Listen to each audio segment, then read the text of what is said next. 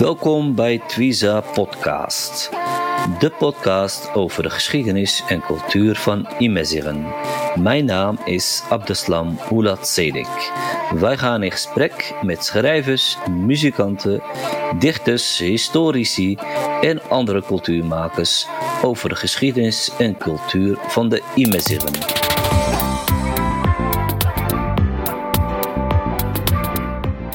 Beste luisteraars, we zijn wederom terug van weg geweest. Uh, welkom terug bij de Twisa podcast. Uh, aflevering nummer 28 inmiddels. Uh, en we doen dat opnieuw met onze vaste gast Said Boudoft. Salam alaikum, Said. Assalamu alaikum. Goedenavond, Azur. Goedenavond. Alle mensen, alle luisteraars. Goedenavond. Hoe gaat het? gaat, alhamdulillah, gaat. Met deze hitte is, is uh, behelpen, maar uh, het, het gaat. Ja, het, is, het zijn inderdaad ontzettend warme dagen. Voor, ja, voor, voor de luisteraars, uh, het is vandaag 20 juli, woensdag. En nemen we deze podcast op. En gisteren was het echt een hele warme dag. Ik heb, ja. ik heb heel wat water, water naar binnen gewerkt. Ja, dat is het inderdaad. Ja. Ja, ja. Hartstikke mooi. Ik, uh, voordat we onze luisteraars gaan vertellen uh, wat het onderwerp was uh, van deze podcast, nummer 28, is het toch ook een beetje een, een bijzondere jaar, vind ik zelf, afgelopen half jaar. er is echt heel veel gebeurd. de wereld staat misschien letterlijk in brand met de oorlog in, in de Oekraïne. En met het conflict daar waar Rusland zich inmengt al een tijdje nu. En en natuurlijk ook de gevolgen voor, voor de wereld, maar ook voor, voor Nederland en voor Europa.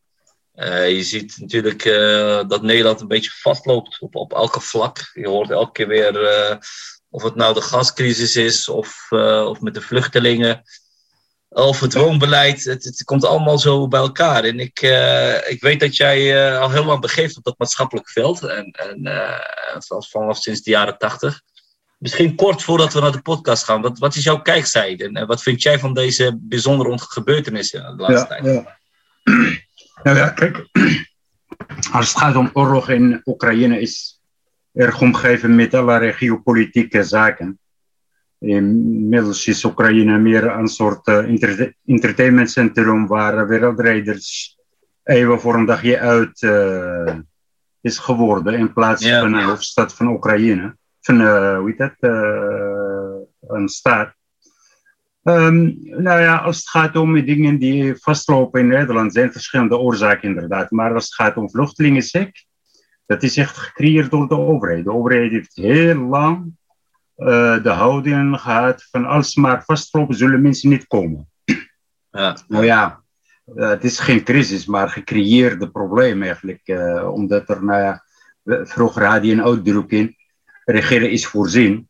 Dus kijk je vooruit in plaats van, uh, hoe heet dat, maar wat wij nu constant merken is dat de uh, nou ja, Nederlandse overheid in veel, op vele gebieden probleem echt creëert. Nou ja, of in uh, toeslagaffaire of, of ja. Groningen.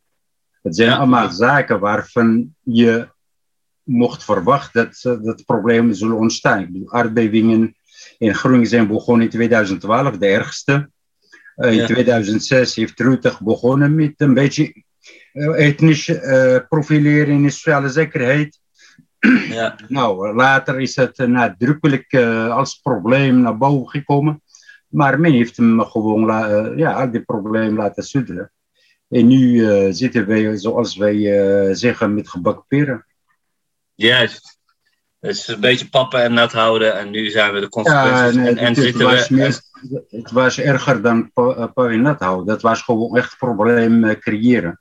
Ja, ja, ja. ja. Uh, nou ja, kijk, het kwestie van Schiphol en zo, het is echt uh, de beste infrastructuur er is. En ze hebben te maken met inderdaad personeelstekort. Dat is wel een crisismoment. Die, door, door corona en zo is de situatie ontstaan. Maar als het gaat om een aantal andere problemen, zoals vluchtelingen, toeslagaffaire, Groningen, er zijn echt problemen die gecreëerd zijn door de overheid, die niet uh, wilde regeren op dit punt, maar gewoon de zaak liet voor wat dat was. Ja, zo is het. Ja, ja nou goed. Uh, inderdaad, het is, het is een roerige, roerige jaar geweest. de, de, formatie duurt al heel lang. En daarna natuurlijk ook nog al deze problemen die, die zich opstaan. Maar goed, dat laten we voor nu. We gaan over naar, naar ons, ons, ons onderwerp. onderwerp. Ja. we gaan, waar gaan we het over hebben, goede tijd? nou ja, je had het erover het bevredigingsleger. Ja. Een verzetsleger uh, in de jaren 50 tegen het Franse kolonialisme in Marokko. Juist. Ja, en daar zullen we het over hebben, inderdaad. Ja, ja Tahrir, hè? Jaish Tahrir, ja, werd het uh, in Marokko genoemd, ja. Ja, ja. Nou, hartstikke mooi. Uh, inderdaad, het begon, wat je al zei, je noemde al een, een jaartal, zo, zo rond de, de jaren 50. Ja. Want dat is eigenlijk ook een van mijn eerste vragen die ik voorbereid heb van wanneer werd het bevrijdingsleger opgericht en, en waar precies eigenlijk?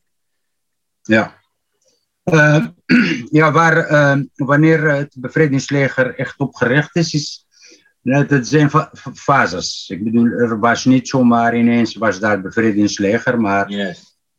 mensen die in ieder geval in, in het gebied waar eerst uh, aanvallen waren op Franse militaire basis. En dat was in, uh, in Moussa. Daar is eigenlijk in, in zelf is in, in de jaren 40 begonnen met nadenken over, over de vorming van een gewapend verzet tegen de Fransen, laat ik zo dat zeggen. Is in de richt. Het was geen helder beeld van, van, van bevrijdingsleger. Uh, maar er gebeurde een aantal zaken in de, uh, in de jaren 40, waardoor mensen die ooit uh, in verzet waren in de jaren 20, zeg maar, tot de conclusie kwamen dat het tijd werd om weer gewapende verzeten op te pakken. En dat gebeurt ook in Atlas, dus waar uiteindelijk de echte aanval op Franse militaire basis is in oktober 55. Het heeft even geduurd voordat er inderdaad mensen een goed organisatie neergezet hebben, mensen hebben getraind, wapens hebben kunnen verkrijgen enzovoort. Um, ja, in, dus het begin is in de jaren uh, 40. De echte concrete actie vond plaats in oktober uh, 55. Oktober 1955. Uh, je noemde al uh, Xenia, waar, waar dat natuurlijk in, in de zuidelijke Rif ja, ja. bevindt. En dan had je het over Marmousa, dat noemde je al de Atlas. Uh, Atlas. Um, dat was natuurlijk in die, in die, in die hongerjaren, hè, dat, begon dat. En in de Tweede Wereldoorlog was het natuurlijk net voorbij. Uh, noemde je al, werden er dus al voorbereidingen getroffen. Um, kun je aangeven, zeg maar, uh, dat, was dat een groep mensen of was daar één concreet iemand die echt het voortouw nam om, om, dat verzet, zeg maar, uiteindelijk eh, goed te organiseren. Dat lijkt me ook al vrij moeilijk in die tijd. Ja, ja.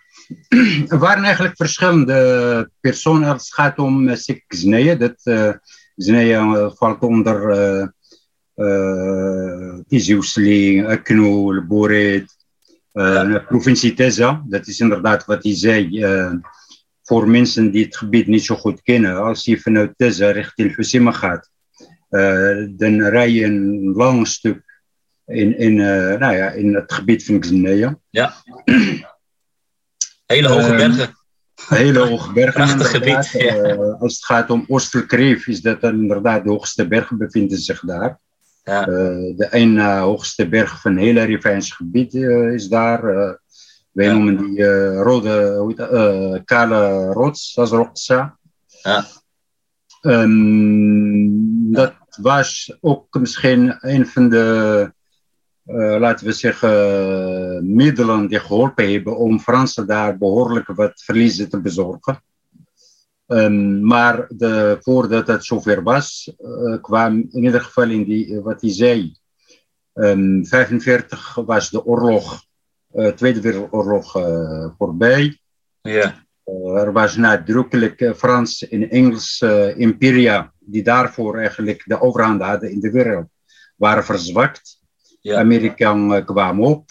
Dat was een belangrijke uh, ontwikkeling. Ja. ja. Uh, een van die dingen die toen gebeurde, en dat was voor de voor de beëindiging van de oorlog was een, een conferentie in 1942 in, in Casablanca die bijgewoond werd door Churchill en, in Roosevelt. Ja. Amerika in, in premier van Engeland. En daarin beloofde Roosevelt en Mohammed V, de sultan van Marokko toen der tijd, ja. dat hij hem zou helpen bij uh, bevrijding van Marokko. Daar was uh, Churchill bepaald niet blij mee, want hij was inderdaad een van de landen uh, die juist koloniale macht vormden. Naast ja. ja. Maar nou ja, na, de, de, na de afloop van de oorlog kwam Amerika dus als machtsstaat naar boven. Ja. natuurlijk, dat de wereld beheerst werd door Fransen en Engelsen. En die wilden eigen plek natuurlijk creëren. Dus begon ook uh, als het ware wat er toen een bevrijdingsbeweging te ondersteunen.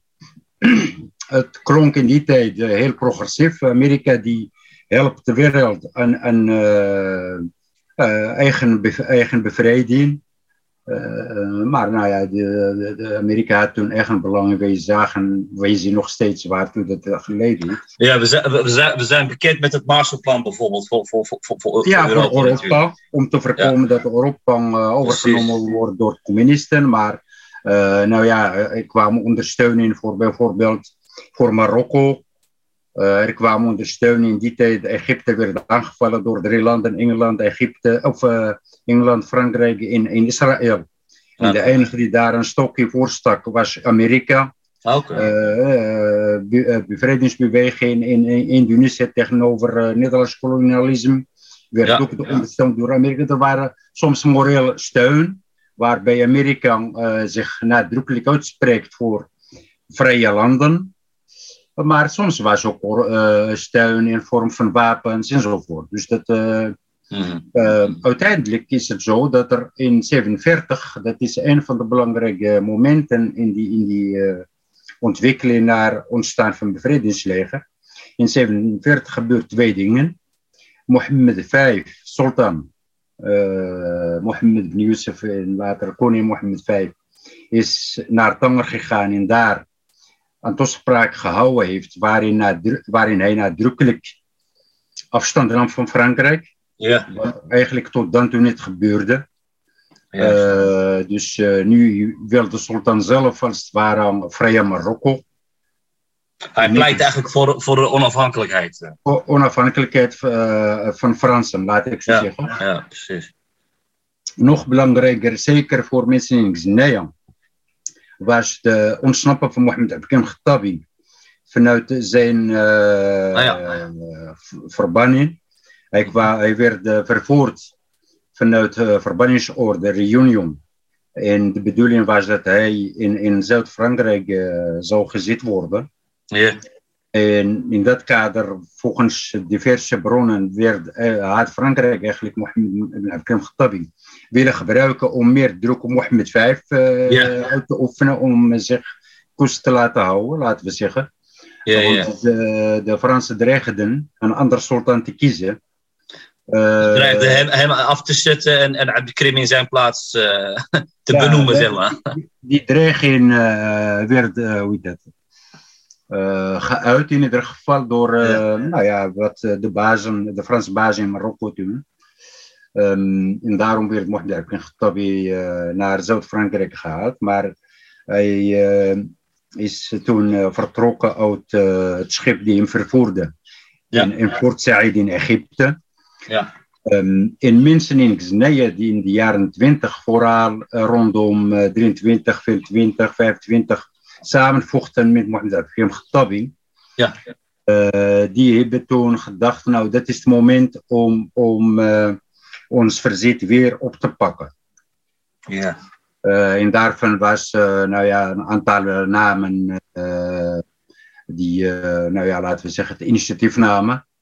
En die ook in de jaren twintig mee gevochten hebben met Mohammed Abdelkrim Khattabi. Was, Kun, kun- je een aantal van die namen noemen? Die, die, die, Ja. die oude strijders, hè, Eh, zeg maar. Ja, eh, je hebt een van de belangrijkste was eh, iemand die eh, Hassan Skriti is. Hassan Mhm. Skriti werd genoemd. Hij is ook eigenlijk in, de eerste, in het begin van, van gewapende strijd tegen de Fransen over, komen overleden, oktober 55. Mhm. Dat was een belangrijke, een belangrijke persoon in deze. Wordt ook gezien in als de geestelijk vader van oprichting van bevrijdingsleger daar ter plekke. Maar okay. je hebt ook uh, uh, Omar Abraqi, Rifi. Um, dat is iemand uit Tizoesling. Skriti komt uit een omgeving Asdir. Dat is uh, berg Skriti. Ja. Je hebt daar een, een speciaal een, ja, een berg. Dat heet Skriti. In, het was een, uh, in de jaren twintig was het daar enorm hevig verzet tegen de Fransen. Mm -hmm. Uh, in Fransen uh, hebben ook behoorlijk wat over geschreven. Frans leger. Over hoe moeilijk het was om die bergen kritieken in te nemen.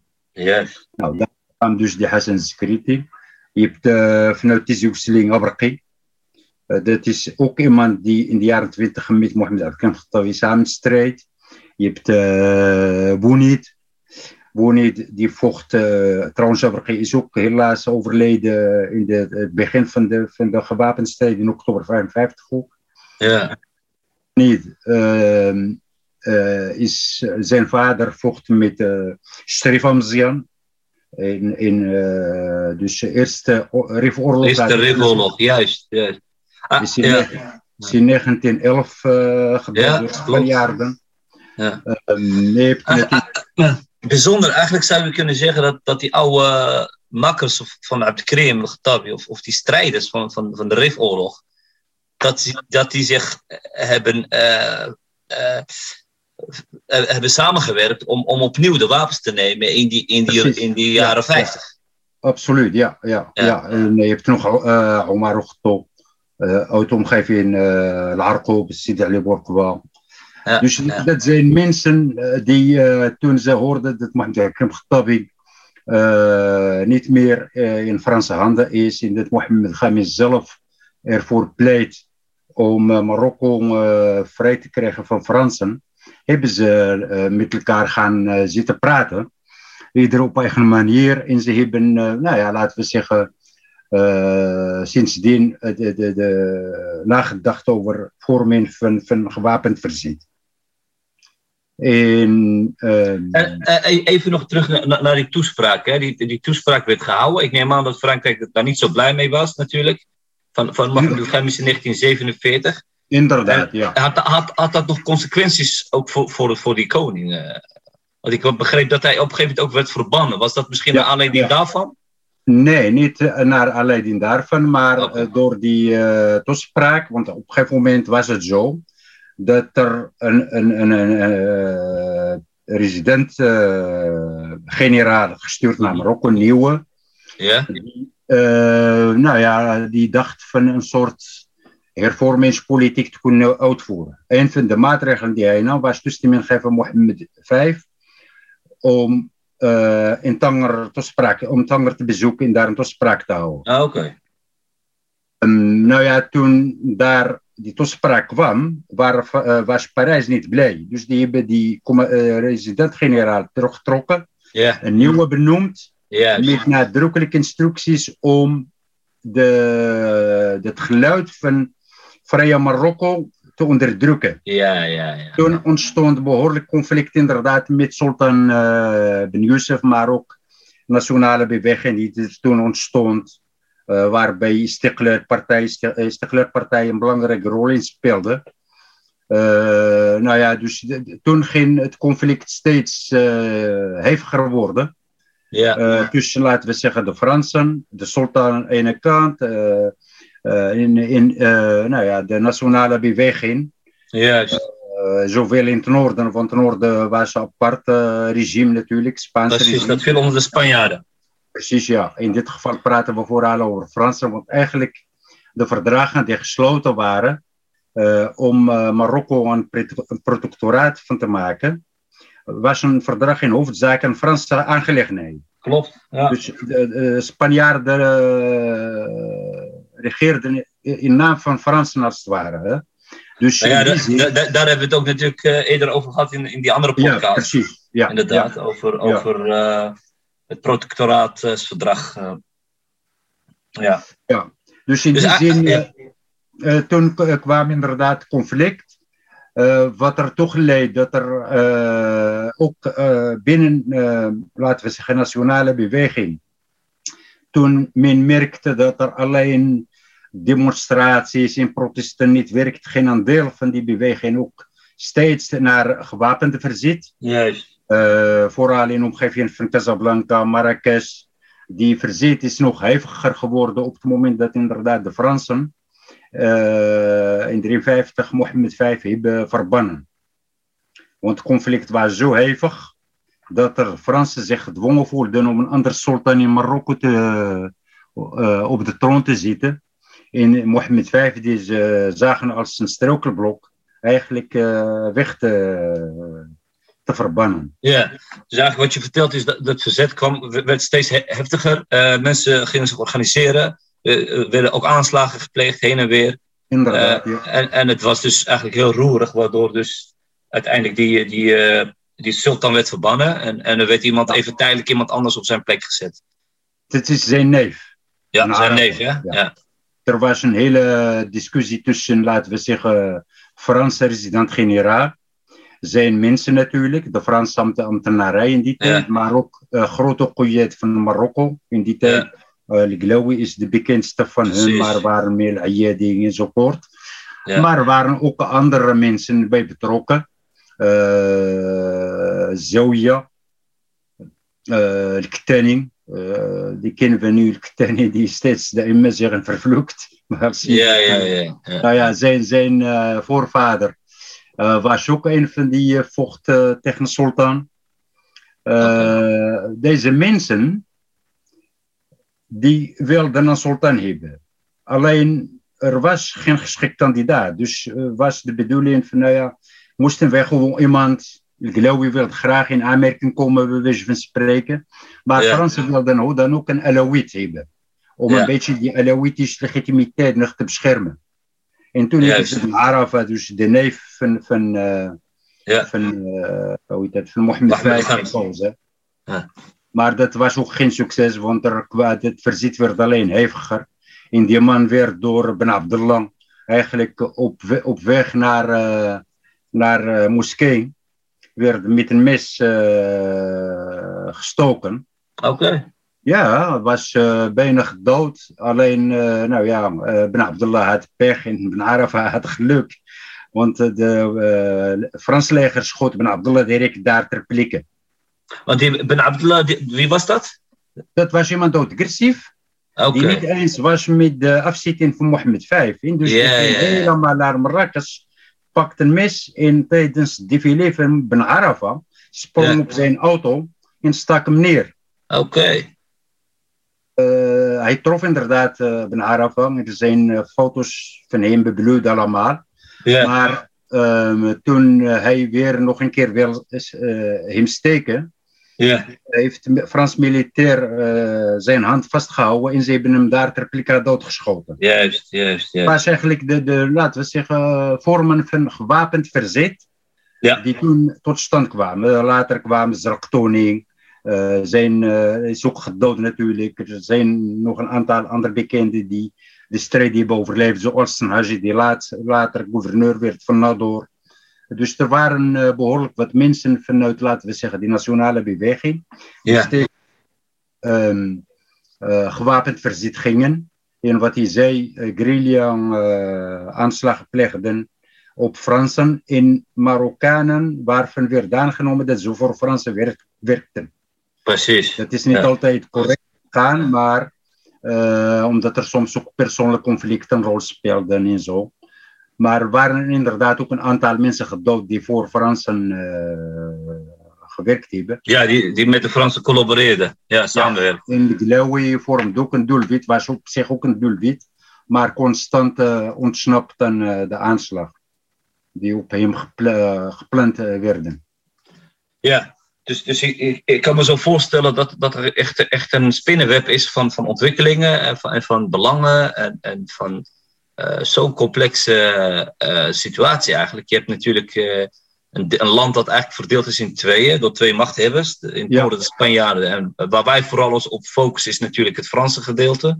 Ja. Ehm, eh, dan heb je natuurlijk een, een, een oude verzetsleider eh, die, die eh, asiel heeft gekregen in, in Egypte. Hè? Dus Ja, Krim ja, wat een groot symbool is voor, ja. voor eh, ja, tegen kolonialisme en imperialisme. En die zich daar ook organiseert.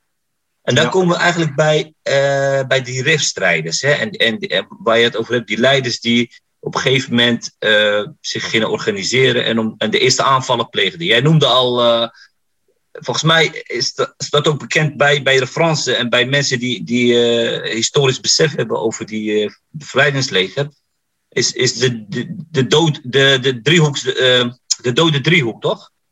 Even kijken. De, ja, zo werd dat door Fransen genoemd, inderdaad. Doods, Ek- driehoek eh, ja, Tiziusle en, en Boert, volgens mij. Ja? inderdaad, ja. ja, ja. Dat waren... maar, eh, is- maar, want je noemt ook eh, nu eh Mohammed Hakim Khattabi. Ja, Die eigenlijk direct nadat hij ontsnapt is uit de Franse handen. ja. ook overging tot organiseren van verzet vanuit. Egypte. Mensen in Xnea, die, die ik noemde. Ik noemde een paar, maar zijn nog meer. Omar Ja. Va- zijn vader vocht met Mohammed Hakim Khattabi. ja. Ehm, die hebben toen besloten om eh Mohammed Hakim Khattabi te bezoeken. Juist. Dus, eh, er zijn vier mensen heen gegaan. Ze gaan naar Hajj. Want het Hajj was een plicht die, Ja. eh, waarvoor Fransen toestemming gaven. Ja. je ging niet zomaar Marokko, je kon Marokko niet zomaar verlaten. Ja. En zeker niet de, de cirkel, zeg maar, nou ja, Daira noemen we dat. Dat is een beetje administratieve eenheid in Marokko. Dat bestaat niet in Nederland, maar is een beetje boven een gemeentelijk eh, district. Dat heet cirkel in het Frans, in Daira in, in, in, in het Arabisch. Ja. Die moet je niet ver- verlaten zonder eh, visum. Dus bijvoorbeeld als mensen uit Eknul, want Eknul is, is zo'n Ja. eh, eenheid. Nou ja, dan moest je daarvoor een visum vragen. En zeker naar het buitenland, helemaal naar eh, Saudi-Arabië. Eh, nou ja, dat kon wel, maar dan moet je inderdaad voor Hajj gaan. En mensen zijn naar Hajj gegaan en toen ze Mhm. terugkwamen, zijn ze via Cairo naar Mohammed Khattabi. En daar met hem ook eh, gesproken, vooral over, eh, over ver- verwerven van wapens. Ja. Ja. Ja. Want dat was het belangrijkste. Want mensen hadden inderdaad, nou ja, de, de, de, de idee over wat het gaat worden. Eh bevrijdingsleger, want ze hadden ook discussie van gaan we zoals dat gebeurt in Casablanca met je guerrilla-aanslag plegen of niet. Of, eh, Ja. Uiteindelijk kozen ze deze mensen in Xnee kozen voor, voor, voor eh, een leger. Mhm. Ehm, en, maar er moesten wapens eh, gekocht worden. Juist. Sommigen, sommigen hadden wapens nog van de jaren 20 bij zich. Ja. Wapens wat overigens geleverd moest worden door Fransen. Want daarna, eh, dat gebeurt vaak als Fransen een bepaalde verzet neersloegen in Mhm. Marokko. En dat verzet begon eigenlijk van 1907 en eindigde pas in 1936. Iedere keer als een groep overwonnen werd, werd van hun geëist om hun wapens in te leveren. Ja, natuurlijk. Logisch. Ja. Maar in, in, eh, op platteland had men ook de mogelijkheid om wapens te verbergen. En er Ja. waren dus een aantal mensen, ook in Xnea, die wapens nog hadden uit de jaren 20. Ja. Nou ja, die, die werd eh, tevoorschijn gehaald natuurlijk. Maar er was een eh, man eh, die, nou ja, in die omgeving waar hij woonde, werd beschouwd als soort. En zijn voorouders ja, zijn marabouts in Marokko, in, in, Mhm. in Spaans gebied. En die mocht hij bezoeken jaarlijks. Oké. Ja, dat is een, een, een, religieuze gebruik in Marokko. Dus Ja. Frans toegestaan in die man. eh Abdelaziz Douairi eh, eh, is zijn naam. Mhm. Die ging regelmatig naar Titoua, naar Tanger. In- kwam hij daar mensen die eigenlijk eh guerrilla-strijd voerden in Kaza. Mhm. Uh, guerrilla voerden in Kaza in Marrakesh. Moesten uiteindelijk allemaal vluchten naar het noorden. Ja, tuurlijk. Ja, ja logisch. Ja. Want de Fransen hadden een enorm campagne opgezet om, om gewapend verzet eh, neer te slaan. Bovendien hadden de Franse kolonisten zelf zogenaamde Rode Hand gevormd. Dat waren eigenlijk terroristen. Die gingen iedereen waarvan ze, ze dachten dat die, uh, uh, nou ja, laten we zeggen, tegenstander van Franse kolonialisme, yeah. Probeerden ze die ver, te vermoorden. Yeah. Marokkanen hadden Zwarte Maan als ook een vorm van geheim gewapend verzet gevormd. Dus er ging behoorlijk wat strijden in stedelijke omgeving in die tijd. En Fransen voerden een campagne waardoor een heleboel mensen zijn gevlucht naar Tituan. En ze hadden gelukt, geluk op dat moment. Want toen de Fransen Mohammed V hebben verbannen, waren Spanjaarden heel boos. Waarom? Zij vonden dat um, zij niet ingekend zijn in die beslissing. Ja, ja, ja, ja. Dus hadden ze eigenlijk Fransen en Spanjaarden een, een politiek conflict. Juist. Voor Spanjaarden als het ware een soort uh, ja, vluchtelingsstatus toekende. En mensen die vluchten voor geweld van Fransen. Ja, dus ja. Abdullah Sanhaji, nou ja, Abbas Msaadi is het meest bekende. Abbas Msaadi, maar ook uh, nou ja, veel anderen. Uh, hebben in die tijd. Uh, Asiel gekregen in het, in het, in het Spaans, uh, Spaans. In Tituan vooral, ja. Ja, ja. ja deze mensen, de, die, de, de Abdelaziz Douairi, die vanuit Xnaya naar Noorden ging, die kwamen deze mensen ook tegen leerden ja. kennen. En begon met hun ook te communiceren en nou ja, coalitie met hun te sluiten. En, en, en, waren die, die, die, die mensen zoals Sanhaji en Msaadi, waren dat mensen die uit de Istiklal kwamen en, en, en voor de wapens kozen? Of waren dat gewoon uh, uh, oude strijders? Uh? Nee, nee, dat waren mensen echt die begonnen bij Istiklal. Oké, okay. oké. Okay. Saadi is zelfs begonnen ook als, nou ja, hij was een soldaat. Op een gegeven moment is hij geworven door iemand in Gaza vanuit de linkse beweging, van ja. linkse Istiklal, laten we zeggen. En is doorgegaan tot, laten we zeggen, gewapend verzet. Ja. Maar dat geldt ook Abdullah Haji. Precies. Die was ook, nou ja, Al-Khatib, dokter Al-Khatib is, is, een, is, is ook een bekende in dit geval. Hij was een arts in Bood, vooral zorg en, en ja. gewonden en zo. Hij was mm -hmm. niet echt iemand van het verzet, maar nee. hij was een arts die, laten we zeggen, zijn werk deed. Ja. Ik hoor dat mensen, nou ja, tegen Fransen vochten. En ze hebben geen medische zorg. Dus ging hij vrijwillig hun verzorgen. Later is hij ingerold in die hele, in die hele beweging van gewapende verzet. Uh, verder heb je, die zijn, zijn allemaal gevlucht naar, naar Tituan. Ja, ja, ja. Daaruit een groep mensen gestuurd naar Nador. Om een soort uh, coördinatie te organiseren in het Rif-gebied. Oké. Okay Tituan een beetje te ver lag. En, uh, uh, ja. Is, is Sanhaji, eerst Sanhaji. En later Said, niet, niet Aitider, maar een, ander, een ander leider is ook gestuurd naar Nador. Later is ook Abbas Msaadi gestuurd. Dus dat zijn okay. mensen die in Nador eigenlijk een soort coördinatie vormden. Juist, juist.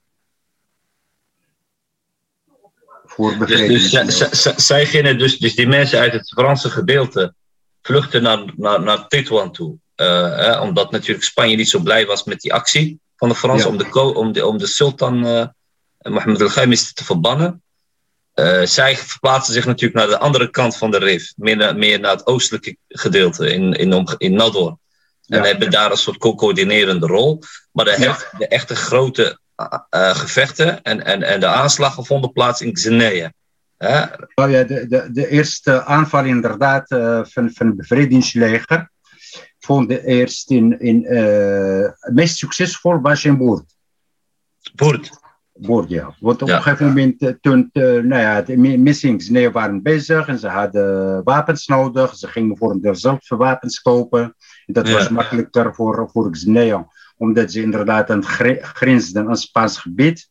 Ja. Um, dus dat was makkelijk smokkelen enzovoort. Er waren ook een heleboel mensen die daar in smokkel zaten. Ja, natuurlijk. Uh, maar er werd ook vanuit Egypte wapens gestuurd voor, de, voor, voor, voor deze bevrijdingsleger. Ja, maar vertel, vertel daar eens iets over. Want ik, ik, ik, ik heb jou ook een keer, heb je volgens mij een artikel erover geschreven op, op jouw eigen pagina. Dat ging volgens mij over een boot die uh, moest aankomen in Kaboujoe, denk ik, hè. Klopt dat, Said? Kun, kun je daar ja, iets, daar ook, iets over daar ook aangekomen, inderdaad, ja. Ja. Nou ja, kijk, wat er toen uh, gebeurde was natuurlijk dat er uh, op een gegeven moment wa waren een aantal mensen uit, uit Noord-Afrikaanse landen in Midden-Oosten mm -hmm. actief voor bevrijding van hun landen. Yeah. Dat waren mensen van Marokkaanse, uh, Marokkanen, Algerijnen, Tunesiërs. Maar ook mensen uit uh, Palestina, uh, Syrië, Libanon. Het waren dus een heleboel mensen die daar zogenaamde bureau voor bevrijding van de Arabische wereld werd gevormd. Ja. Toen kwam Mohammed Khattabi en die vormde ook, ja, die werd daarin ook ondersteund door niet altijd iedereen, maar in ieder geval hij vormde een soort commissie voor de bevrijding van Noord-Afrika. Ja. Uh, nou ja, een van de taken die hij probeerde te voltooien was wapens regelen voor mensen die in het verzet waren. Maar er waren ook Algerijnen daarmee enzovoort. Ze hadden een, een, een voordeel dat Egypte uh, onder uh, Jamal Abdel Nasser, want in 1952 is, is het regime in Egypte veranderd van, van uh, koninkrijk in republiek. Jamal ja. Abdel Nasser, vrij officieren, het leger nam de macht over en vormde een bedreiging voor Fransen en Engelsen als het gaat om uh, kanaal. Ja, de koning Farouk werd afgezet. Hè?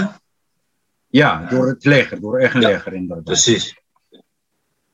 Uh, en Jamal Abdel Nasser voerde een soort nationalisatiepolitiek waar um, uh, nou ja, diverse voorzieningen en bedrijven van Engeland werden genationaliseerd.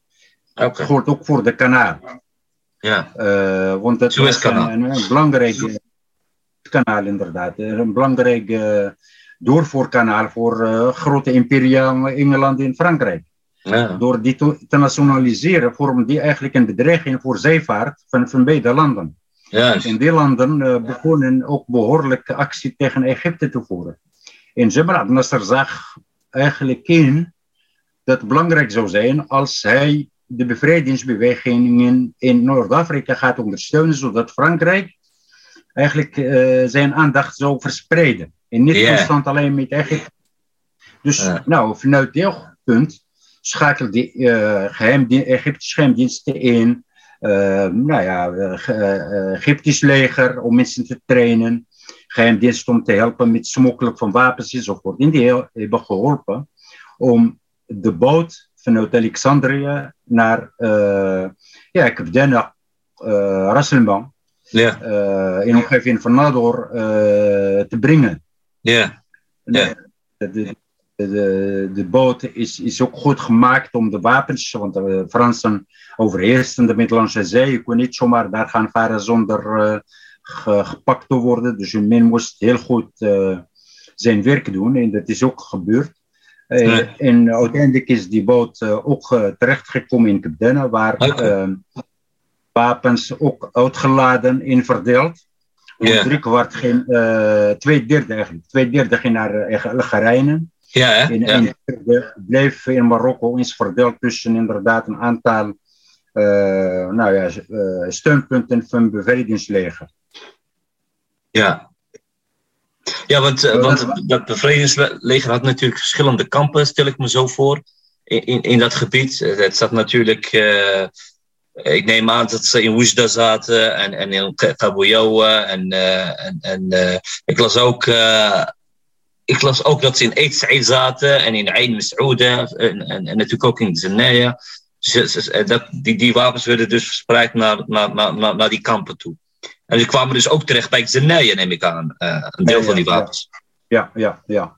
Nou, kijk, het, het punt wa, was zo dat er op een gegeven moment Zanaya en Marmoussa waren vergevorderd in hun voorbereidingen. Ja, ja, precies. Toen kwam inderdaad uh, leiderschap van uh, Titoan naar Nador en ze wilden zoveel mogelijk plaatsen mobiliseren. Oké. Toen kwam in beeld uh, Saka, omgeving van Esbouihi. Ja. kwam uh, Tevogelt, Niesnessen. Ja. Dat waren allemaal, laten we zeggen, plaatsen waar leger, Frans leger eigen basis had. Dus rondom die leger, Ah, is, is een soort uh, nou ja, uh, afdeling van bevrijdingsleger opgezet. Ja, ja, ja. Vanuit, vanuit, vanuit uh, Nador. Soort, soort, soort subafdelingen, zeg maar. Ja, ja, het waren allemaal afzonderlijke cellen in, in, in, werkelijkheid. Die werden dan in die bossen gestuurd of zo, kan ik me voorstellen. Nou, er zijn, uh, hoe dat, kijk wat er bijvoorbeeld in Xneeën gebeurd was zo, dat er mensen zelf, eigen mensen gaan uh, trainen. Ja. Als je, je werd geworven, vooral familiale verbanden werden gebruikt in dit geval. Ja. Uh, want het is een heel groot uh, risico was er. Want als je verraden werd, werd je Ja. opgepakt door Fransen. Dus je moest dat vooral van uh, goede mensen die je vertrouwt. Ja, precies. en mensen moesten ook een eide afleggen als zij op een gegeven moment in contact kwamen met andere cellen. Ja. Uh, S'nachts werden oefeningen gedaan. Er werden bijvoorbeeld toen echt kogels beschikbaar waren. En men met geweren geen, geen oefenen. Werd geoefend, uh, geschoten in water. Zodat er niet uh, het geluid. Klopt, klopt. Ja. Moest, moest, moest dat is wel bijzonder. ja, moest voorkomen worden dat er mensen geschoten worden. Ja, klopt. Maar afgelegen plekken. Mensen, Misschien in de bergen of in de bossen. De bergen, precies. kwamen ook dicht bij de Spaanse grens. Ja. Bij uh, Cassitan. Ja. Uh, er, uh, er, zijn ook mensen die werden getraind in Middaar. Ja. Dus sterven van Franse leger in Franse verraders en zo. Precies. Er waren dus een heleboel technieken toegepast om mensen om, te vormen voor de uh, dat, eerste aanval op Frankrijk? Nou, ik, ik, heb, ik heb zelf ook van een grootoom uh, ook een verhaal meegekregen toen. Uh, toen we een keer bij een feest zaten in Nador. En hij ging ook naar zo'n cel toe. Hij vertelde over dat ze, dat ze zich verzamelden in de omgeving van Tuffelgeld. Ja, en dat ze gingen oefenen. Precies wat jij net vertelde. En vertelde die, groot, die oom van mijn moeder, die, die vertelde dat. En dat, dat heel veel mensen nog niet konden schieten. En, en. Ja. en, ze, en, ze, en, en hij was wel iemand die, die al kon schieten, dus hij moest dan zeg maar aanwijzingen geven, weet je wel. En ook inderdaad in het water schieten, wat jij precies vertelde, dat vond ik wel grappig. Dat, uh, alsof dat er Ja, geen ja. geluid. Uh... Ja, ja. Maar uiteindelijk Ja, hebben, ze, hebben zij volgens mij niks gedaan, die cel. Wat ik begreep van hem. Zo, eh, nou, misschien later, want er ging Ja. iets in die coördinatie mis. Ja, Eh, misschien kom ik daar zo op terug, maar een van die eh, inderdaad verhalen die ik hoorde, eh, die ik hoorde van Khalid Mourir, de bekende. Oh, ja. ja, ja. Eh, heeft zijn opa ook ooit besloten om, eh, nou ja, aan te sluiten bij het bevrijdingsleger. En hij ging naar een trainingskamp en is daar kennelijk niet goed, goed, goed naar huis. Ga maar. Ja, klopt, dat staat in het boek, hè? de gast uit het Driftgebergte. Ja, Khalid heb- heeft mij dit verteld.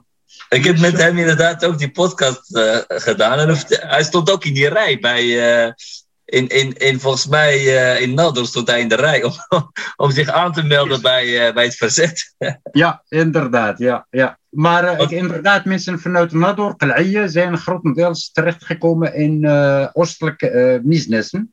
Ja, Daar zijn een heleboel mensen naartoe gegaan. En, en mensen uit, nou ja, hebt, wat ik zei, mensen in Atlas zijn vooral actief geweest in Mermousha. Want ook in Mozdar Mermousha is niet één plek, maar het waren verschillende substammen die samenwerkten, zoals in Xenei het geval is. Eh, dus een soort coördinatie intern in communiceren naar Nador. Eh, waaruit, van waaruit gecommuniceerd werd, dus met Tituan, met Egypte, met Algerijnen. Want er ook met, is eh, ook een samenwerking met Algerije in die tijd.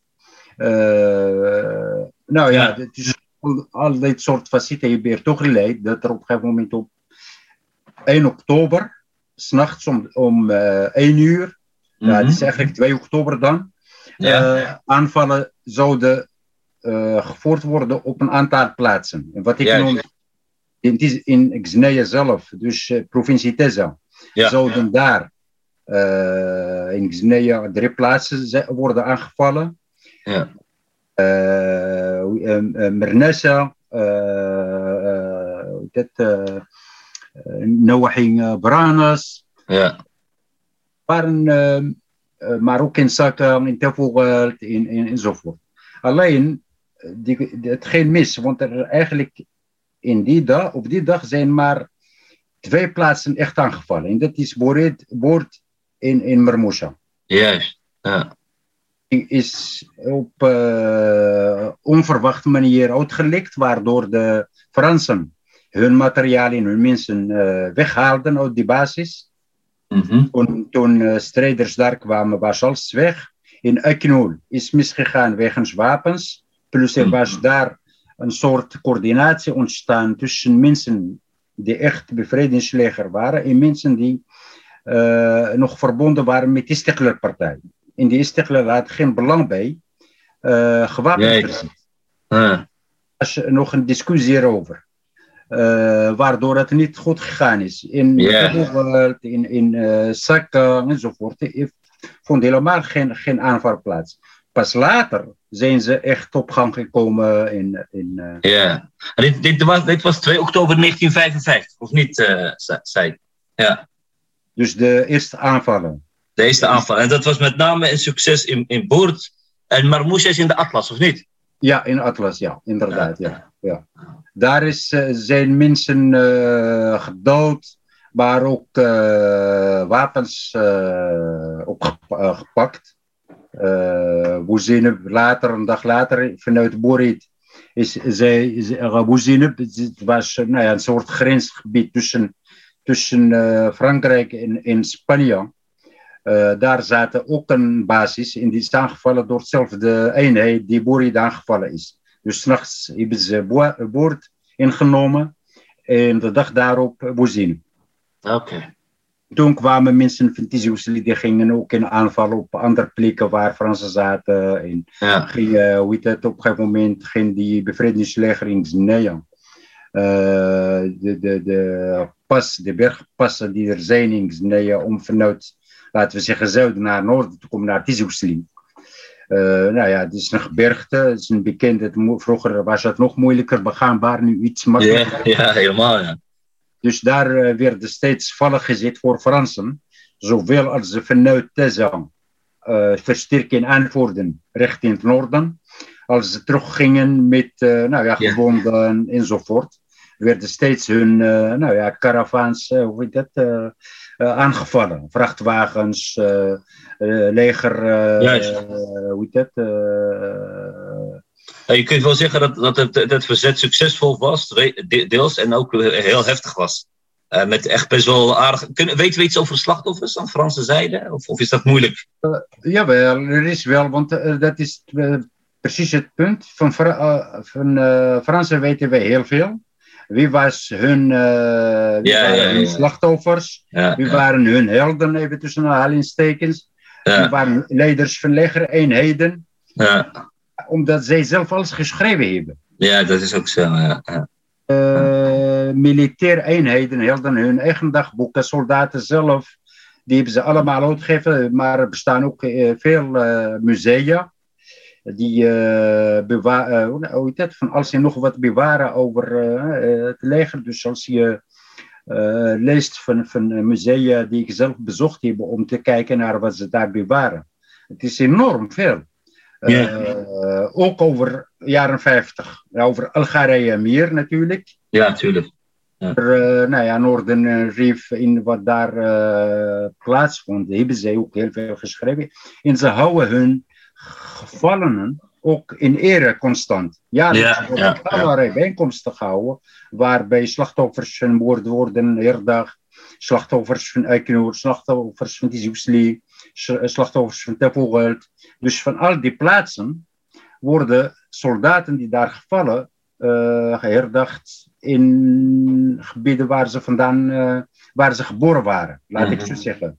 Mm -hmm. um, nou ja, dat, dat gebeurt in Marokko veel minder. In Marokko is enorm vervalsing van historie. Uh, voor een deel is, werd jarenlang eigenlijk archief vernietigd, bewust. Oh ja. periode van jaren verloot. later, ja, er zijn wel wat publicaties, maar je ziet meestal dat er dan Rabat Invest de hoofdrol opeisten. En zij waren ook in staat om te schrijven. Dat is ook het punt. Ik bedoel, mensen die Al-Qarawiyyin hebben gestudeerd, yes. um, uh, en zo, die, die waren in staat om precies te schrijven wat zij winsten te schrijven. Ze hebben dus bewust uh, geschiedenis vervalst, deels, en ook uh, aangepast naar hun eigen wensen, inderdaad. Ja, precies. Uh, Dr. Khatib heeft ook uh, daaraan meegewerkt. Ja. Bahardan, iemand die nooit wat gedaan heeft met hele bevrijdingsleger. Is ineens in, in Marokko een bekende man uh, van, van het bevrijdingsleger. De enige connectie die hij ooit heeft gehad met het bevrijdingsleger was dat er Khatib uit Noorden bij hem stiekem begin overnachten s'nachts.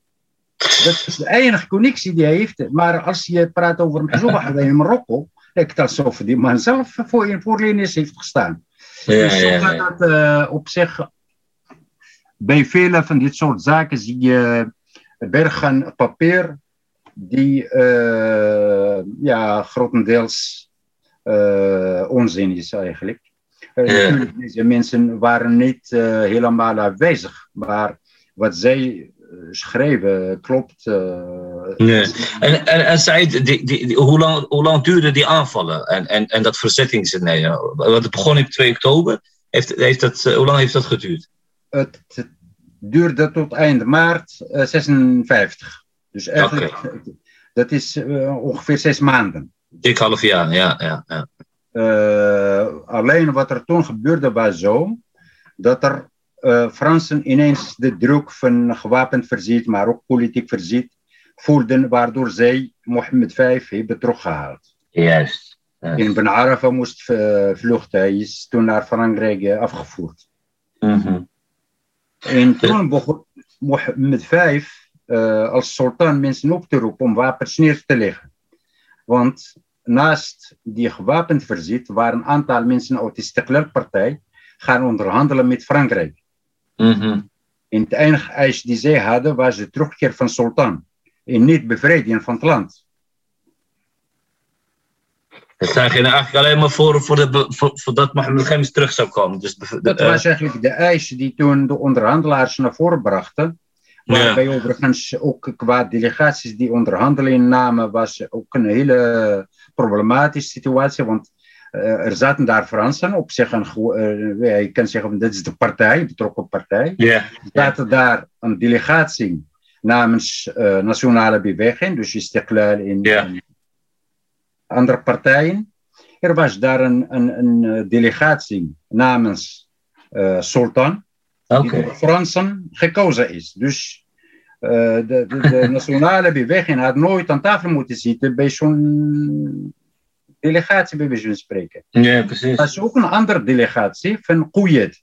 Kouyet die juist hebben gewerkt aan... Uh, Collaborateurs. Ja, Glaoui ja. enzovoort.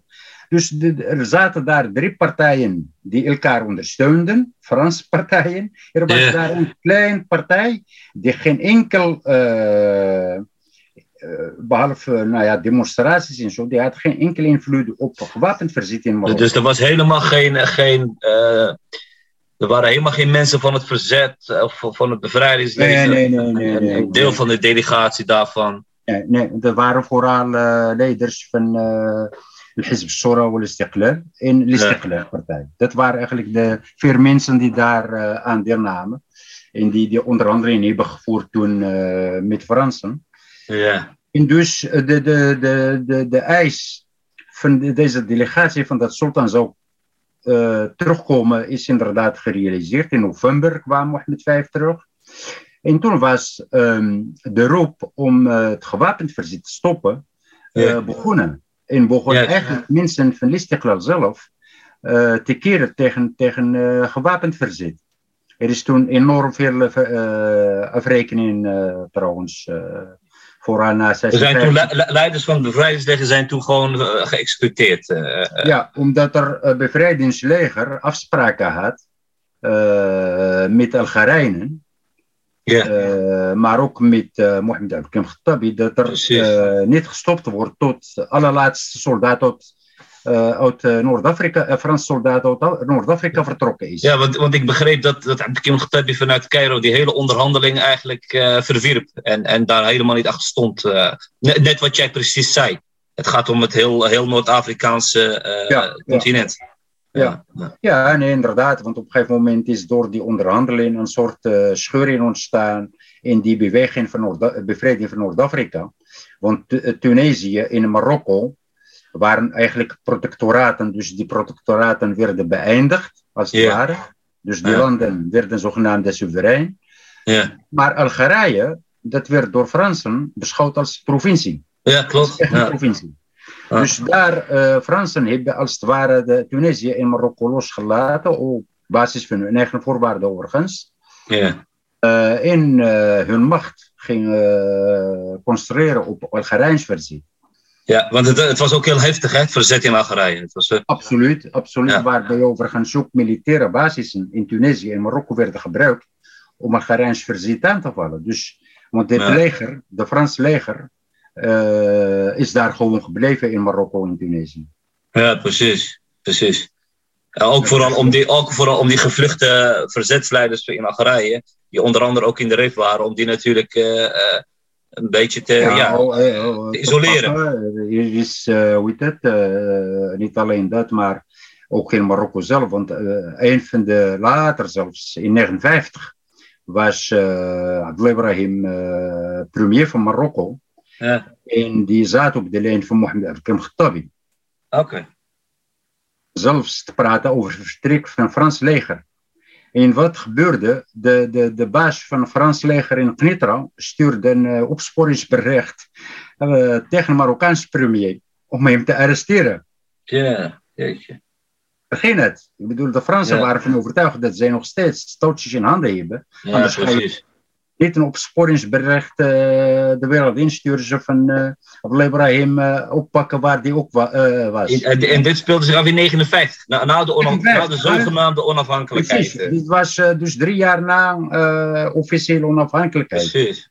En Abdel Ibrahim is toen via Mohammed V in, bij Fransen gaan aandringen dat ze ermee moeten stoppen. Maar hij moest ook aftreden, want op een gegeven moment zat hij ook in, in clinch met Ermagzen met Sultan, met zijn zoon Hassan II, die uh, troonopvolger was. En met Fransen. Dus zijn hele kabinet mislukte eigenlijk. Ook uh, wegens uh, de bemoeienis van Fransen in die tijd. Ja, inderdaad. Nee, die, die... hele bevrijding was inderdaad formaliteit waarbij de Fransen hun belangen goed beschermden. in, nou ja, vooral richting Algerije, in Algerijns verzet ging er zich richten. Ja, ja, ja, ja. Ja, nee, nee, dat is helder en ook wel complex. Uh, ja. Dus eigenlijk, eigenlijk stond de koning ook weer, net als in het verleden, met zijn rug tegen, tegen de muur. Uh, de nationalisten van Istiklal kozen voor een macht. Uh, en hij onderhandelde eigenlijk heel slecht, of, of had een hele zwakke onderhandelingspositie. Waardoor uiteindelijk, eigenlijk zijn, is de RIF of zijn de bevrijdings de mensen van het verzet zijn eigenlijk geslachtofferd, als ik het een beetje zo mag noemen. Ja. Die zijn Ja, dus eigenlijk- opgepakt of, of vermoord door, eh door, door Istiklal. Want hoe begint het bijvoorbeeld, die, die bekende persoon, Abbas Saidi bijvoorbeeld? Dat was Nou ja, geen en- regijn, maar het was wel iemand van het verzet. Ja. Eh, nou ja, Besm Saadi is ook eh, een van de vermoorde leiders, inderdaad. Ja, Die vermoord is, is een ingewikkeld verhaal, want er worden allerlei eh, verdachten aangewezen, maar is nooit echt eh, Bewezen. is eh, geleverd wat wij we- wel weten. Tenminste, de, de, er is enorm verhaal dat Mehdi Ben Barka hem vermoord zou hebben. Maar Mehdi gaat Ben Barka was een van de leiders van Istiklal, hè? ja, voor, precies. voor de ja. luisteraars. Inderdaad, ja. Ja. Links vleugel van, van Istiklal. Maar als je gaat kijken naar wat er toen gebeurde, is, is, kun je maar de, de vraag stellen of Mehdi Mbarka inderdaad betrokken is bij die heet het. Wat er ook speelt is dat er op een gegeven moment Abbas Saadi en Al-Khatib zijn naar Egypte gegaan. Al-Khatib is teruggekomen en zei tegen iedereen van de leden van het bevrijdingsleger, maar ook Istiklal, hou je Msaadi in de gaten. Dit is een grote schurk. Die moeten wij goed in de gaten houden. Dat zeg je alleen als je een vijand bent van iemand. Ja. Dus dat zijn allemaal, laten we zeggen, aanwijzingen dat er de, de, de moord op Abbas Msaadi niet van één hoek gekomen is, namelijk met die Ibn Barka, maar dat er um, uh, zeker Paleis een grote rol in speelde dan, uh, misschien Mohammed V niet, maar de troonopvolger Hassan II speelt zeker een... Uh, ja, ja, ja. Hij was in ieder geval iemand die moest verdwijnen, als ik het zo mag zeggen. Dus, ja, want er was een, een, een, een bijeenkomst in het paleis van leiders van het bevrijdingsleger. En ja. toen werd gesproken over neerleggen van wapens. En de enige die daarin bezwaren maakte waren Abbas Msaading in, in, in uh. Ja. Daar zegt ook Sanhazing in zijn memoires zo van, dat hij daar mensen kwam die nooit zag in bevrijdingsleger of de leden daarvan. Ineens kwamen daar, want uh, Tituan, of de, uh, nou ja, de mensen van Tituan hebben toen een soort uh, vals bevrijdingsleger tot stand gebracht. Mm -hmm. om te concurreren tegenover echt bevrijdingsleger. Oké. Okay. En die werden toen naar Rabat gebracht om, laten we zeggen, Mohammed, de sultan te eren. Ah, okay. En die hebben beloofd wapens neer te leggen, terwijl mensen in zuiden, in noorden, de echt mensen die strijd hebben gevoerd, juist niet de wapens wilden neerleggen. Ja, precies. Precies. Oké, okay, die, die hadden zo hun eigen belangen ook uh, vanuit, vanuit hun, uh, hun kant. Ja. Dus er waren verschillende belangen wat, wat tot, uh, er toch geleid heeft dat Abbas Msaadi gedood is, laat ik zo zeggen, vermoord. Ja, ja, ja, ja. Zou goed kunnen. We, om, om, want, want ik lees, ik lees dat, dat er dat er inderdaad ook samen werd gewerkt met het, uh, met het uh, Algerijnse bevrijdingsleger. Daar heb je het natuurlijk al ja, een beetje over, ja. over gehad. Ja. ja. Um, en dat was natuurlijk ook iets vervelends voor die Fransen. En, en wellicht ook voor, voor die, voor die Istiklal-partij. Die, die, die, uh, die ook steeds meer neigde naar macht. En, en de grootste partij. En, en, en zichzelf misschien, misschien al zag in, in het parlement. Hè, als de vertegenwoordiging van, van nieuwe onafhankelijke uh, Marokko, uh, zo gezegd. Ja, dat, dat, was hun idee. Istiklal had het idee van Sultan komt terug, ja. Ga, gaan we hem isoleren en we ja. gaan de macht grijpen. Dat was hun idee eigenlijk. Ja, precies. Tijdelijk zijn zij ook aan, aan de kant gezet in plaats van dat zij de macht grepen. Heeft de koning, vooral zijn zoon Hassan II, de macht gegrepen. En daar hebben allerlei hoe strijdpunten een rol gespeeld, laat ik zo zeggen. Ja, ja. eigenlijk bleef, bleef het paleis en vooral onder koning Hassan de grootste touwtjes in handen houden. En door ja. middel van politieke spelletjes en, en mensen uit elkaar uh, spelen, toch een grote rol in, die, in, die, in, die, in dat parlement eigenlijk, in, in de macht. Uh. Ja, het parlement was er niet, want er werd eerst een soort advies, uh, nationale oh, ja. adviescommissie ja. Ja, ja, ja, ja, ja. Uh, maar in ieder geval, uh, Hassan als troonopvolger heeft ervoor gezorgd dat er een Marokkaans leger kwam. Ja, ja. Bevrijdingsleger moest daarin opgenomen naast Marokkanen die in dienst waren van Fransen. Oh, dus ja. de vijanden van gisteren moesten samen nu eenheden vormen. Ja, ja, ja, ja, ja.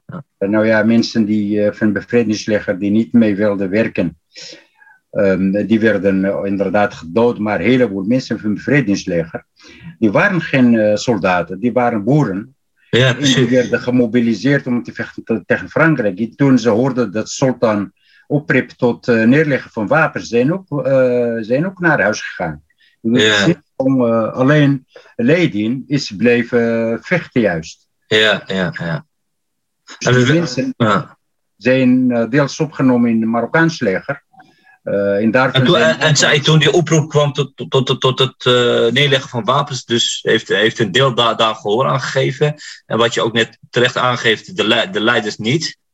En we weten eigenlijk uit, we weten net ook hoe het eh, is afgelopen met ze. Afgelopen, ja. En toen uh, kwam echt duidelijk in. Zo van, uh, er werd ook in 58 bevrijdingsleger in het zuiden aangevallen door Spanjaarden in Frans met van Marokko. Ah. Die, uh, want de, de bevrijdingsleger, wat wij al gezegd hebben, die wilde heel Noord-Afrika bevrijden. En ja, ja in het noorden bevrijdingsleger, maar ook in het zuiden. Ja, precies zuiden toen Frankrijk als het ware, laten we zeggen, zich uh, formeel uh, soeverein Marokko, uh, Marokko soeverein verklaarde, begon zij te vechten tegen Spanjaarden in Sahara. Onder ja. andere Tindouf. Of niet, niet Tindouf, maar... In Sidi Ifni, in de omgeving. Precies, Sidi Ifni ja. Ja, en toen is er een actie van Fransen en Spanjaarden om die te verslaan in Marokkaans, wat toen een Marokkaans leger was heeft hij daarbij geholpen. Ja, ja, ja, ja, ja, ja. ja.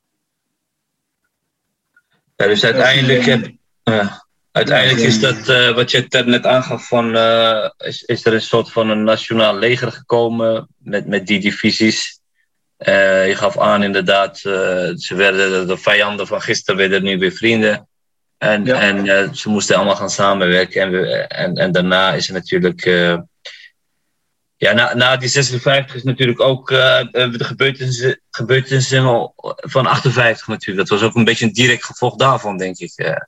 Ja, dat heeft zeker met elkaar, want wat er toen gebeurde was uh, de, de, de, opstand die, laten we zeggen, die vorm kreeg in 59 in Rif, bij uh, Eetwaaier, omgeving Hussein. Ja, precies. Is begonnen in Tevillert. Ja. Bij, uh, nou ja, daar zat nadrukkelijk Marokkaans uh. Eigenlijk, nou ja, de troonopvolger Hassan II, met minister van Binnenlandse Zaken, met uh, Ahardan, ja. Tib. Dat waren mensen die in ieder geval uh, spelletjes hebben gespeeld om die opstand te ontketenen. Ja, ja, ja. ja, ja. Hebben ze uh, uh, een slechte rol hebben gespeeld. Want wat ze gedaan hebben, bijvoorbeeld, is de, de Besmsa die was vermoord in begraven in Vest. Ja. Wat uh, Ahradan in Khatib hebben gedaan, is zijn ja, wist van, van uitgraven inbrengen naar Asdering, om te, her te begraven. Ja was een, een, aanleiding voor heel veel mensen om weer in opstand te komen in Xnezer. Dus vandaar is het begonnen eigenlijk in uh, ja. Ja, precies. Ja, uh, in, nou ja, daar hebben dus uh, Ahradan in gaat hij een rol. Best, wel, best wel een duistere rol eigenlijk. Ja, ja. Terwijl die mensen en, door de officiële regering van, van Abdullah Ibrahim en, uh, vervolgd werden. Want dat waren mensen die eigenlijk, uh, nou ja, dat organiseren, fitna. Ja, ja, ja precies. Ja. In, in terwijl zij juist de meeste bescherming kregen van het leger. Dat stelde een heleboel tot nu toe niet opgehelderd vraagstuk, laat ik zeggen. Een hele, hele dubieuze rol. En dit waren ook weer twee mensen die, die, die ook weer van die Istiklal waren. Hè? Dus ah, Ahardan en, uh, en Dr. Ghati. Nou, Istiklal kreeg veel schuld, in schoenen geschoven. Okay. Maar het, het, is maar de vraag of ze daarin... Uh, wat, wat er gebeurde was, één, één belangrijke persoon in Marokko... die kwam uit Istiklalhuizen. En dat was de baas van politie in Casablanca. Ah, okay. organiseert een heleboel moorden.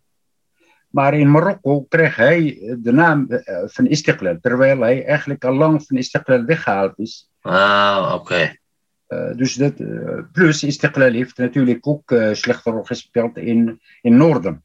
Ze hebben daar hun tegenstanders ook heel lang gemarteld, gedood enzovoort. Waaronder ook mensen van bevrijdingsleger trouwens. Ja, ja, ja. ja. Niet onschuldig, maar ze hebben niet alles op hun. Uh... Nee, nee, het ligt allemaal veel complexer. Uh... Ja, ja.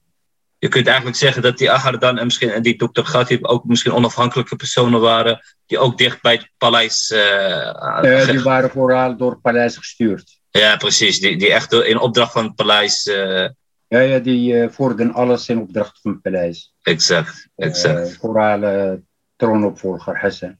Ja, ja, ja. Dat, Mohammed V die probeerde nog een beetje tussen een bemiddelende rol te spelen. maar dat ging niet altijd. En dus was ja, op een gegeven moment zijn zo'n sterk machtig man geworden. En die heeft ja, ja, ja, ja. zich getrokken. Ja. Ja, ik weet niet of dit allemaal voor, voor een luisteraar die dit, uh, het verhaal minder kent, de achtergrond, of je die, uh, laten we zeggen, kan allemaal volgen, want het is op zich gedetailleerde informatie. Ja. Een podcast, laat ik zo zeggen. Ja, nee, zeker, zeker. Nee, inderdaad, je kunt er natuurlijk heel veel, uh, heel veel over, over vertellen. En ja.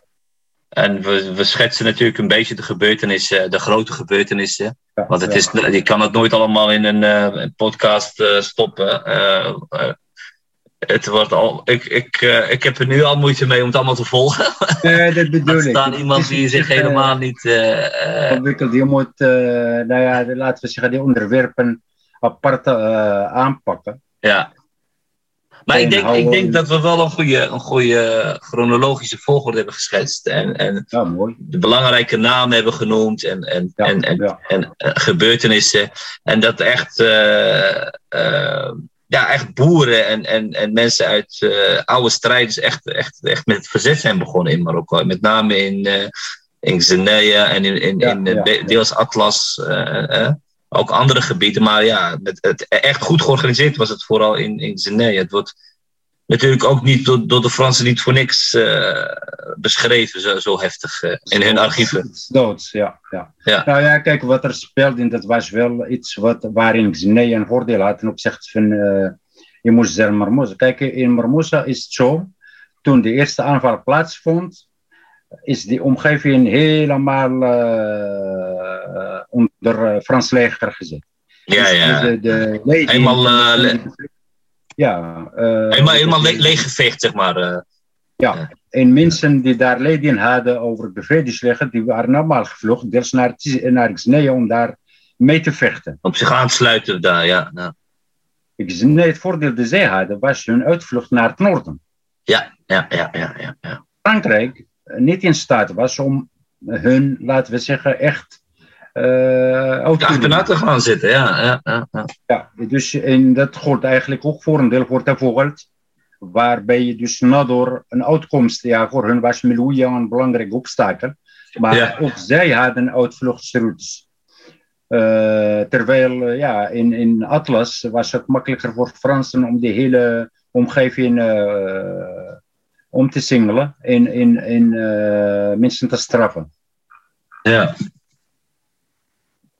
Nee, het is heel, heel boeiend tijd. Ik denk dat we, we, we zijn nu behoorlijk een tijdje aan het, uh, aan, het, uh, aan het praten. Ik denk dat we zo een beetje aan het eind gaan van, van deze boeiende aflevering. Uh, het bevrijdingsleger uh, Zish Tahrir was het onderwerp. En ja, wil je nog iets, iets, iets verduidelijken, nog iets toevoegen? Of, of, of nou ja, op zich uh, is heel veel gezegd. Ik, ik vroeg me wat ik ook al zei, van of het inderdaad een beetje helder voor een buitenstaander, laat ik zo zeggen. Ik hoop het van wel, dat het een beetje helder verhaal wordt. Ja. En als mensen daar vragen over hebben, kunnen natuurlijk altijd uh, gesteld worden via ja. Facebook, via Twitter, blog. En ik ga ook proberen wat, wat namen en data en, en foto's weer bij elkaar Oh ja. ja dat... lukt, lukt me dat voordat ik naar het buitenland vertrek. ja, dat is heel fijn. Dat verduidelijkt ook heel veel. Dat, dat heb je voor ja. ons vaker gedaan. En ik moet zeggen dat mensen waarderen dat enorm. Want je ziet ook meteen de plekken en, en de gebeurtenissen. Ja, precies, ja, ja. Want er is best wel heel veel gebeurd in die tijd. En uh, kijk, we kunnen altijd zeggen van, nou, we gaan de volgende keer misschien nog een keer iets, iets anders aanslaan van die periode. Ja. Want ja, zoals jij al zei, er zijn zoveel dingen gebeurd. Je kan nooit in al die gebeurtenissen de diepte ingaan. Je gaat soms ook gewoon algemeen praatje over iets. Dat wat misschien eigenlijk juist veel meer verdieping nodig heeft, heeft om, het hele, om, om die hele gebeurtenis eigenlijk goed te kunnen begrijpen. Maar ja, dat begrijpen ja. mensen ook. Die naar Ja. de podcast luisteren. Dat, misschien moet je een andere boeken. Misschien heb je nog titels, weet je, die mensen kunnen Ja. lezen. eh, Om zich nog meer eh, eh, te verdiepen daarin. Ja. Nee, zeker. Het lijkt me een hele goede, goede site. Van, eh, mensen, ja, ma- mail ons eh, naar, eh naar Twiza, inderdaad. Eh, volg onze website. Eh, daar staan ook eh, alle gegevens van ons. Eh, nou ja, dat was het. Eh, hartstikke bedankt, eh Said, voor jouw tijd weer en energie. Meestal eh, eindig- eindigen we met een, eh, met een gedicht of, of, een, of iets van, van een lied. Dus als je nog eh, iets hebt, van, stuur me dat na. En anders zoek ik wel iets op om, om het af te sluiten. En ja, tot een volgende keer. Tot volgende keer, ja. Ja, ja. Zullen we doen. Ja, ik wens je nog een hele fijne vakantie alvast. Jij ook. En ja, Met dankjewel. Vakantie, met eh, partner. Ja. Zeker, ik heb er heel veel zin in. Volgende week, eh, woensdag, vertrek ik, inshallah. Zei. Eh, Is goed. Afek, uh, Said. Uh, aan dankjewel, luisteraars, voor het luisteren. En eh, deel deze podcast als je hem, als je hem waardeert. En eh, tot, een, eh, tot een volgende keer. هاد الصادق سنيني حوريا بدنا ميضوضان سلك لا يتغيدمان أكو فرانسيس نوقان. ونتخن نقول تغزينا سيمدلان نوني روذني راح شي تيدمان وني كيروذني راح شي تيدمان أيا أثيزي وسري أثيزي مسند ذيني راه طار بجهد محمد. البيرو يشويين يبنى الكزار حاربن دينا رومي ويقيم شي ظهار حاربن دينا رومي ويقيم شي ظهار تحية البزيغن